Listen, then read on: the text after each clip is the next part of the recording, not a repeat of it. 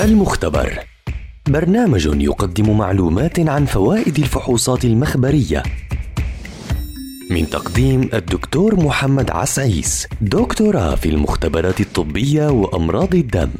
المختبر برنامج يومي عبر أثير أجيال.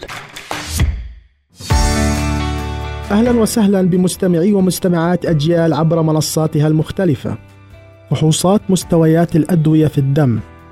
تعتبر فحوصات مراقبة الأدوية من أهم الفحوصات الطبية والتي تلعب دورا مهما في الخطة العلاجية للعديد من الأمراض حيث تشمل هذه الفحوصات عدد كبير من فحوصات الأدوية التي تتطلب إجراء قياس نسبة الدواء في الدم ومراقبة مستوياته بشكل مستمر.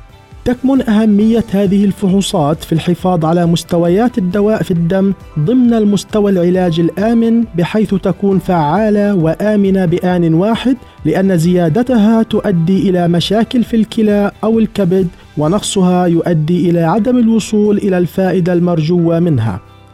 بعض الأدوية لا تتطلب إجراء فحوصات لمراقبة مستوياتها في الدم كالأدوية الآمنة والأدوية التي يتم التخلص منها بشكل سريع في الجسم.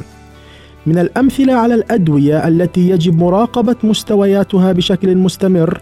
أولا الأدوية المخفضة للمناعة مثل أدوية زراعة الأعضاء مثل بعد زراعة الكلى والكبد ومثال على ذلك دواء ال Prograf أو ما يعرف بالتاكرولوماس. أدوية الأعصاب مثل فحص ال valproic acid وال phenytoin والتي تستخدم في حالات الأمراض العصبية والنفسية كالصرع وغيرها من الأمراض. بعض الأدوية المرتبطة بأمراض القلب مثل دواء الدايجوكسين بعض المضادات الحيوية مثل مضاد الفانكو ميسن يتم إجراء فحوصات مستويات الأدوية العلاجية عن طريق الدم وبناء على الموعد المحدد من قبل الطبيب ويتم إصدار النتيجة خلال ساعة. استنونا في حلقة جديدة عن فحص ومعلومة جديدة. دمتم بصحة.